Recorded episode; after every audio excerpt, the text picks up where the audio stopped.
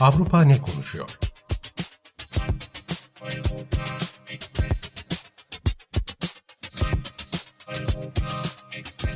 Avrupa medyasından yorumlar.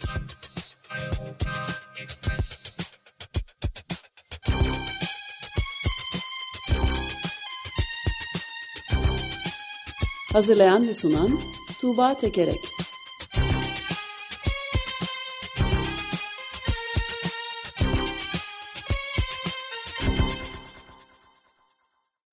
Günaydın Tuğba, merhabalar.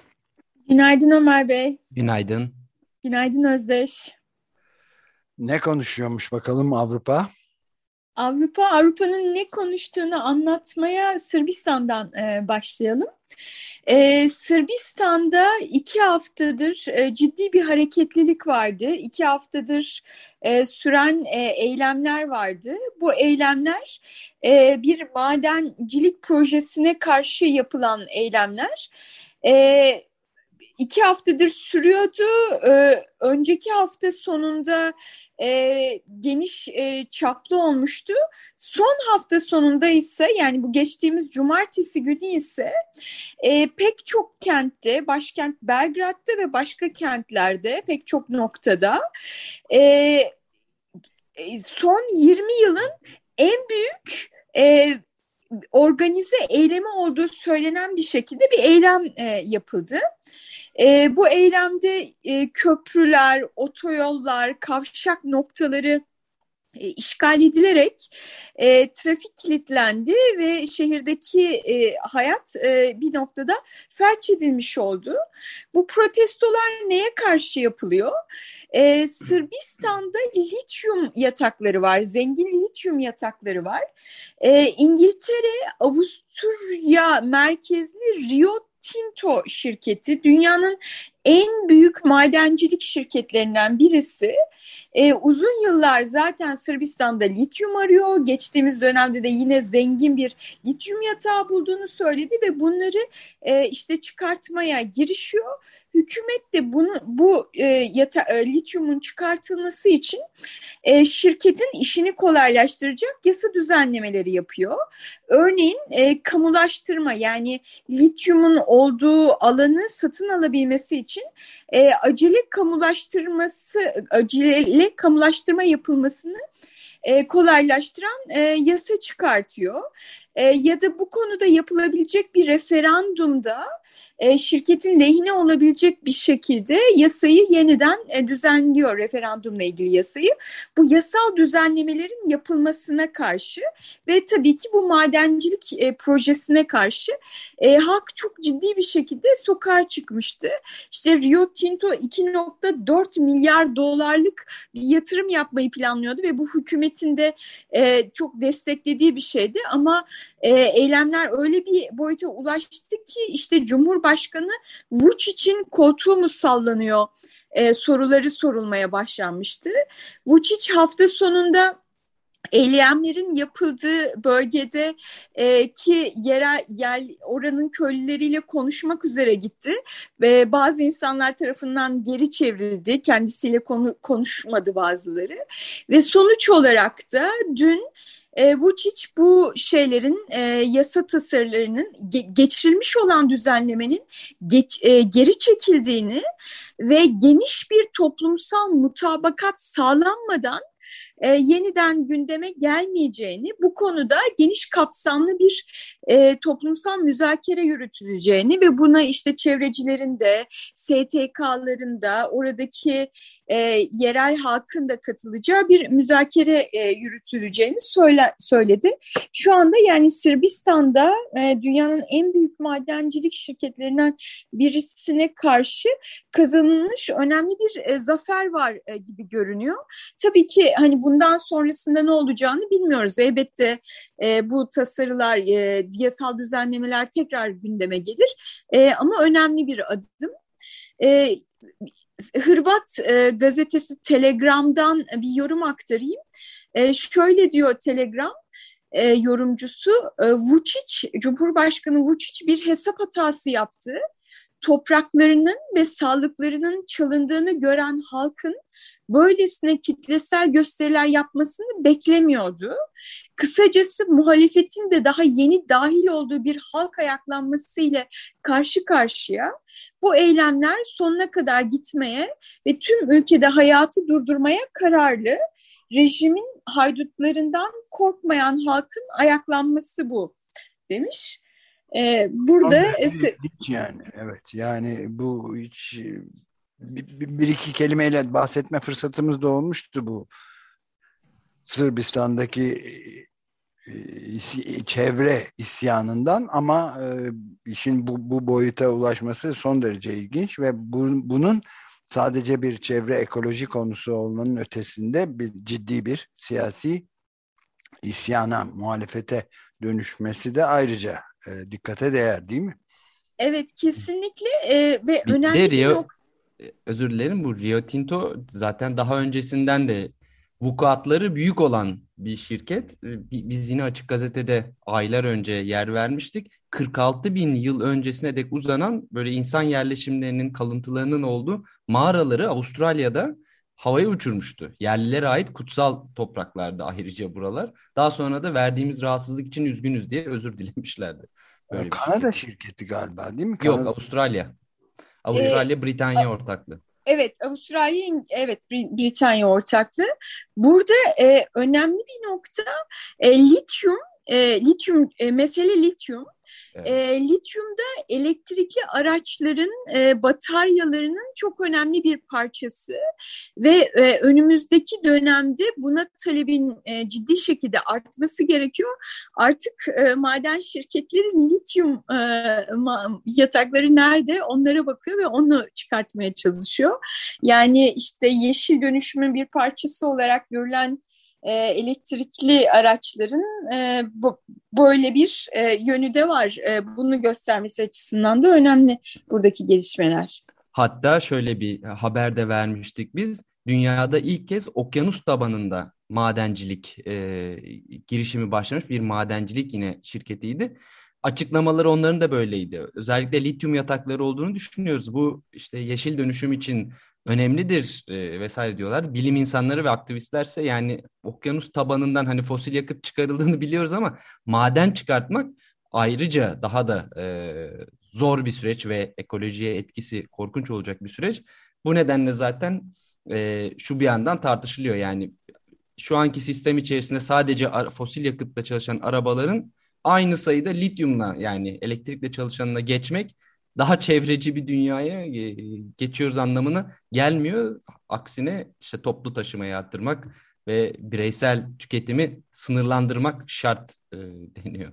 Evet ölümsüzlüğü temsil eden en önemli dal sanatsa e, zaten işte 30-40 bin yıllık duvar mağaralarını da yok etmeleri de e, mağara sanatını da yok etmeleri de harika yani. Rio Tinto'nun evet. evet Avustralya uygulaması. Evet. Ee, buradan e, şeyi de söyleyeyim e, Ömer Bey siz geçen hafta George Monbiot'un e, e, köşe yazısından bahsetmiştiniz. Evet. E, Britanya'da işte bir e, yasa tasarısına son dakikada İçişleri Bakanı'nın yaptığı eklentilerle e, nasıl işte demokratik olarak kabul edilen bir ülkede diktatörlüğü andıran e, bir takım düzenlemeler yapılmaya çalışıldığını e, söylemiştiniz. E, yani çok enteresan hakikaten mesela e, getirilmeye çalış yapılan eklerden bir tanesi protestocunun kendisini bir yere e, şey bağlaması, kilitlemesi. Mesela bunun e, işte yapılamayacağını, bunun bir suç olduğunu e, öngörüyor mesela getirmek istenen düzenleme. Ben şeye baktım şimdi e, hani ne oldu bu düzenleme ile ilgili e, bilmiyorum siz gördünüz mü Monbiot dün bir yazı daha yazmış Hazır. ve yeni başka şeyler getiriyor ve bu hani daha da karanlığa götürüyor biz diyor. Bu protesto yapılan alanların işte hani önceki düzenlemede e, mevcut e, mevcut e, inşaat alanlarının olmasına e, karşı çıkılıyordu. Şimdi yeni yapılmakta olan, yapılacak olan e, alanlarda yapılacak protestolara işte ayrıca bu tıpkı bu Sırbistan'daki gibi yani Sırbistan'ın hani daki protestonun önemli bir yönü hakikaten trafiği kitlemişler ve e, şey diyorlar e, biz hani her cumartesi e, bir saat, iki saat tüm trafiğin önemli noktalarını kitle, kitleyeceğiz diyorlardı protestocular. E, bu Britanya'daki yasa tasarısında da işte otoyolların e, bu ulaşım noktalarının e, e, işgal edilmesine, buralarda protesto yapılmasına e, engellemeye yönelik düzenlemeler de vardı. Britanya'da da bu şey e, tasarıyla ilgili süreç e, kötü yönde devam ediyor George Monbiot'un yazdığına göre. Evet yani stratejik yollar, yollar, yol ağları, demir yolları, limanlar, havalimanları, petrol rafinerileri ve ve en ilginci de bu herhalde basım evleri. Yani gazetelerin basım evleri filan onları da herhangi bir şekilde onların çalışmasına engel olacak bir protesto hareketinin en az bir yıla yani 51 hafta filan 12 ay sürecek bir maksimum ceza ile cezalandırılacağını ve sınırı olmayan maddi para cezalarına çarptırılacağını söylüyor. Yani hakikaten aklı hayali durduracak nitelikte bir şey. Delirmiş olmaları lazım. Yani. Yok oluş isyanının e eylem yaptığı her yeri e, bu kanun kapsamını almışlar yani. Yeni yerler bulurlarsa belli ki yasa tekrar geliştirilecek, güncellenecek. Ve hatta bir de çok ilginç bir şeyden de bahsediyor. Ee, cümlede kanun tasarısındaki cümlede sonradan ilave olmuş zaten konuşmalar sırasında aslında bunlar yokken arkadan dolanarak yapılıyor. E, yollar, demir yolları, limanlar vesaire gibi yerler diye de bir kelime var kanunda. Yani gibi yerler deyince her şey girebilir artık. Tabii. Ve benzerleri, havalimanları ve benzerleri evet. Evet, evet. such as diyor. Yani hakikaten e, Magna Carta'yı hatırlamadan edemiyor insan. 806 evet. yıl mı ne oldu? E, oraya onun öncesine dönüyoruz yani. Evet. Ee, Sırbistan'dan e, Avusturya'ya geçelim.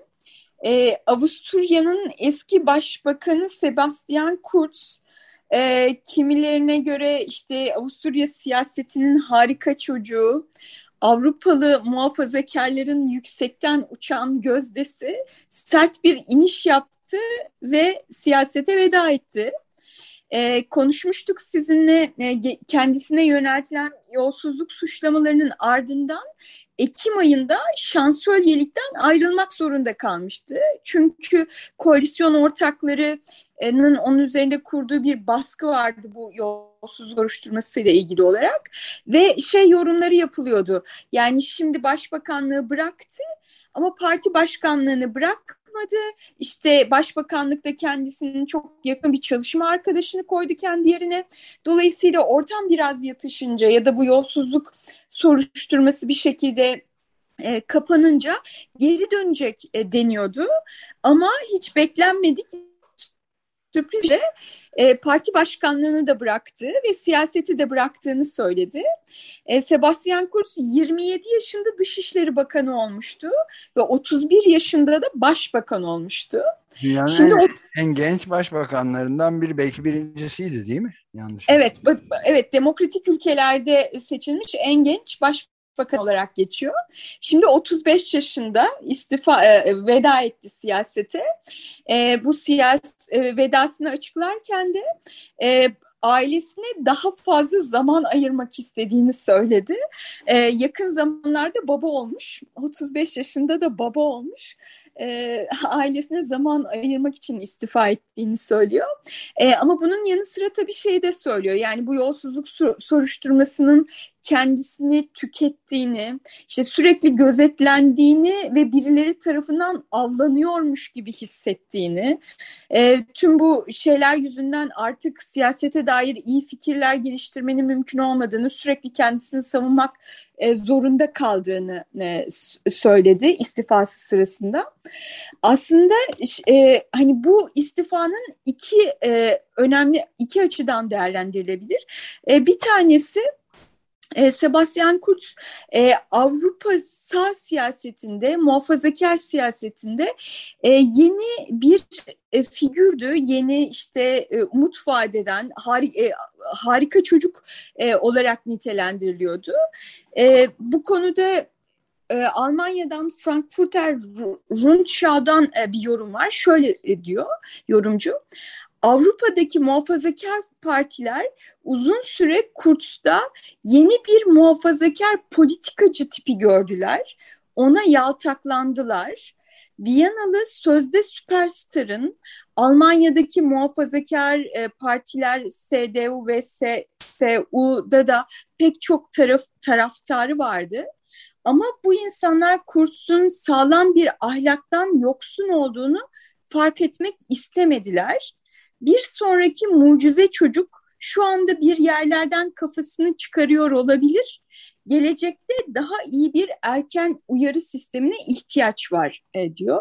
Yani bu e, Avrupa'daki muhafazakar partiler için böyle umut gördükleri bir insanın e, işte sert bir düşüşü oldu bir yandan. Bu açıdan değerlendirilebilir.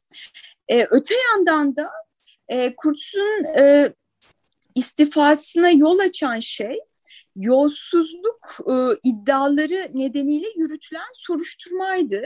Hani bunu da hatırlayalım. Neydi bu yolsuzluk denilen şey? E, partisini yükselişte gö gösteren e, mani anketler yaptırıyor bir anket şirketine. Bu anketlerin de e, finansmanını Maliye Bakanlığı tarafından karşılanıyor kısmen. Ve bu anketleri de işte bir takım e, medyada yayınlatıyor ve medyada yayınlatırken de işte ona, onlara e, önemli miktarda ilan e, parası veriyor. Bir şekilde bir işin içine de para karışıyor. Bu, bu ilan paraları karşısında yayınlamış oluyor o gazeteler. Yani aslında e, bazı ülkelerde çok sıkça gördüğümüz e, anket sonuçlarını manipüle etme ve gazetelere bir takım e, kaynak aktararak onların kendi yanında yayın yapmasını e, sağlamak diye bazı ülkelerde son derece sıradan olan e, bir şey. E, Avusturya Avusturya'da e, önemli, parlak, parlayan bir siyasetçinin tamamen siyasetten çekilmesine neden oldu. Bu açıdan da önemli bir gelişme Avusturya'daki. Evet, bu, bu davası peki devam ediyor mu? evet, e, evet, evet. E, soruşturma halen devam ediyor. Soruşturmada e, yani yeni bir gelişme, yeni bir aşama yok. Sadece hani bu konuda e, süre giden bir baskı altındaydı e, Kurtz ve birlikte oldu işte 10 e, siyasetçi soruşturuluyordu bu kapsamda. Sadece süre giden bir baskı söz konusuydu. E, Avusturya'dan Falter gazetesi şöyle söylüyor bu istifa ile ilgili. E, kursun sonu Avusturya'da siyasal sistemin ne kadar yozlaşmış olduğunu iyice görünür kıldı. E, bu yozlaşmanın en belirgin olduğu alan politikacılarla gazeteciler arasında kamu ilan paralarına bulanmış sağlıksız yakınlıkların kurulmuş olduğu bir politik, medyatik bir sistem diyor. Yani Avusturya bu olayla birlikte politikacılarla medya arasındaki bu kirli ilişkileri de tekrar bir mercek altına almış oluyor. Evet, Avusturya'da çok çürümüş ama. Evet. Bu benim aklıma şeyi getirdi ama onu konuşamayız bu programda. Bibi Netanyahu'nun da benzeri bir davası vardı. Tam aynı e, konuların şey oldu. İsrail'in eski başbakanı. E, o da gaz gazetecilere fonlar ayırarak belli gazetelere kendi aleyhinde yazmamaları için filan anketlerde dahil miydi bilmiyorum hatırlamıyorum ama çok kapsamlı bir araştırma vardı, soruşturma. Hatta Haaretz gazetesi de epey bir üzerinde yayın yapmıştı ama o da duruyor. Yani başbakanlıktan ayrıldı. Yeni şimdi dava da devam ediyor ama yolsuzluktan mahkum olup olmadığını bilmiyoruz. Evet ne, ama şimdi yani... Üç, üç ülkeden o zaman arka arkaya bahsettik. İngiltere'de otoriterleşme, Avusturya'da yozlaşma, İsrail'de Orada da yolsuzluk e, vesaire. Evet, Biz tabii o zaman ileri demokrasi mi e, olarak Evet. kalıyoruz? Aynen. İngiltere'de de zaten otoriterleşme değil doğrudan doğruya tiranlığa yani imparatorlar Polis devletine polis devletine direkt geçiş var. Evet, o zaman e, size Batı'nın bir ikiyüzlülüğünden daha bahsedeyim. e, Fransa'da e, Cumhurbaşkanı Macron geçen hafta iki günlük bir e, körfez turundaydı. E, işte Birleşik Arap Emirlikleri'ne, Katar'a ve Suudi Arabistan'a gitti. E, Suudi Arabistan'da işte Veliaht Prens Muhammed Bin Salman'ı Cemal Kaşıkçı'nın öldürülmesinden sonra e, ziyaret eden ilk batılı lider ünvanını kazandı. E, ama bu e, hani ziyaretler boşuna değildi. E, bu, bu ziyaretler Trump ziyaret etmemiş miydi? Yok. Ee, Öyle, öyle bir top şeyi hatırlıyorum ama belki doğrudan onu ziyarete gitmemiştir de bir Orta Doğu e, ziyaretinde görüşmüştü kendisiyle. Neyse tamam. E, ben e, okuduğum haberlerde ilk batılı lider e, işte ziyaret eden ilk batılı lider e, ifadesini gördüğümü hatırlıyorum. Hatta işte Sonra uzun uzun işte gazeteciler uzun uzun tokalaştı falan diye o ayrıntılarıyla birlikte e, aktarıyor. E, bakabiliriz. Eğer bir yanlışlık varsa e, düzeltirim ben gelecek hafta. E, ne- neler oldu bu e, ziyaretler sırasında? E, Suudi Arabistan askeri endüstrileri e, ile e, Fransa'nın uçak şirketi Airbus ve uçak parçaları üreticisi Figeac Aero arasında ortak bir girişim kurulduğu e, duyuruldu. Ve ayrıca e, işte Suudi Arabistan'ın petrol ve doğalgaz şirketi Aramco'yla da 5 yeni sözleşme imzalandı. E, bu arada Suudi Arabistan'da Formula 1 yarışı düzenleniyor. İşte Justin Bieber e, Bieber e, konser veriyor. Bu da Macron e, Suudi Arabistan'ın bu imaj yenilemesi sürecine önemli bir katkıda e, bu, bulunmuş oldu. E, bunun yanı sıra Macron Birleşik Arap Emirlikleri'ne de gitti. Oraya da e, orada da 16 milyar euro değerinde Rafael e, savaş uçağı sattı. 80 savaş uçağı. Yani Ve bu- çıktı, evet. Evet, bu, bu Fransa'nın en büyük silah satış sözleşmesi olarak e, geçiyor medyada. E, Fransız medyasından e, sol e, eğilimli Mediapart e, haber sitesinde yer alan bir yorumda şöyle deniyor.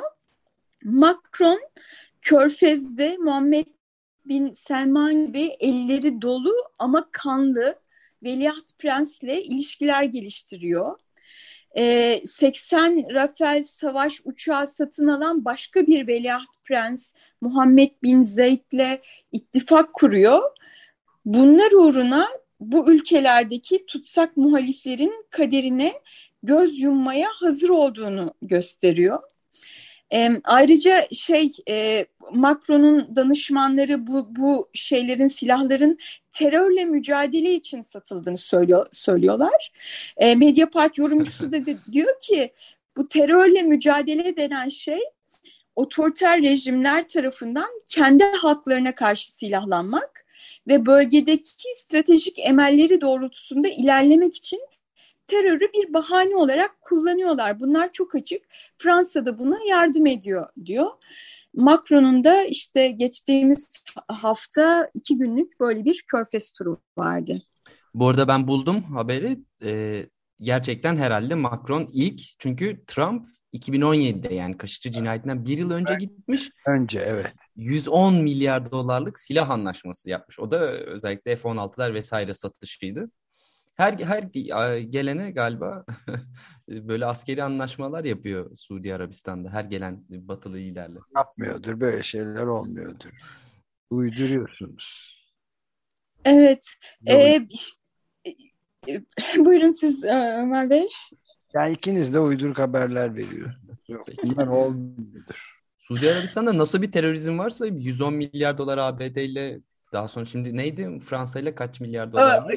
Ee, Birleşik Arap Emirlikleri'ne 16 milyar euroluk e, e, savaş uçağı sattı. E, Suudi Arabistan'la e, petrol konusunda ve uçak konusunda e, anlaşmalar imzaladılar. Evet. Ee, şeyden de e, hani bahsedecektim ama çok kısaca e, söz edeyim. E, o da önemli bir gelişme. E, ABD Pekin'de yapılacak kış olimpiyatlarını na diplomatik heyet göndermeme kararı aldı. Protesto ediyor. İşte Çin'deki bu tantanaya, bu gösteriye e, katılmayacağız e, dedi Beyaz Saray sözcüsü. E, bunun sebebi de Çin'in e, işte Uygurlara yönelik soykırıma devam ediyor olması, insanlığa karşı suç işliyor olması bu ifadeleri kullandı ve insan hakları e, ihlalleri. E, ABD'nin e, ardından Yeni Zelanda'da delege göndermeyeceğini açıkladı. Birleşik ve Avustralya'nın da bunu düşündüğü yönünde bilgiler var. Çin ise buna karşılık işte sporu siyasileştirmeyi bırakın, ve ABD yanlış hareketlerinin bedelini ödeyecektir e, diyor. Ee, Avrupa medyası da işte ABD spor konusunda yumuşak güç olmayı e, hani bu konuda da önce o oldu. Biz Avrupa olarak yine arkada kaldık, yine kendi tavrımızı koyamadık diye Avrupa medyasında da böyle yorumlar var. Hmm, olimpiyat meselesi de böyle. Ama e, bir ufak e, detay atlanmış galiba orada da oyuncularını gönderiyorlar. Kayakçılar gidiyor. E, evet ama o konuda e, yani hem medyada çıkan yorumlarda hem de ABD yetkililerin yaptığı açıklamalarda oyuncuları göndermemenin oyuncuları cezalandırmak olacağını, işte oyuncular yıllardır buna hazırlanıyorlar ve bu onların kariyerleri için önemli. Hani e, oyuncuları çekmenin doğru olmadığı konusunda genel bir konsensus var e, diye görüyorum ben. Medyada Ama, da bu yönde yorumlar var. Diplomatlar da onca zamandır çalışıyorlar şimdi. Onlara da yazık o zaman. Bilemiyorum Ömer Bey. Yani dip, e, yani hafif bir lagaluga vaziyeti de burada varmış gibi geliyor ama neyse tartışırız daha. Tamam. Eurotopics bültenlerinden e, bu haftalık bu kadar. Gelecek hafta görüşmek üzere. Görüşmek üzere. Görüşmek üzere. Hoşçakal.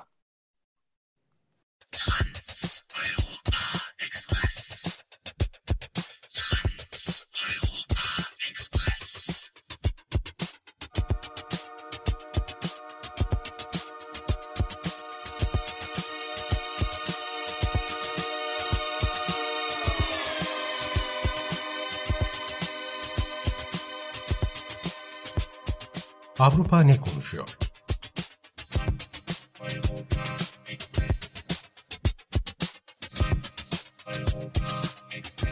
Avrupa medyasından yorumlar.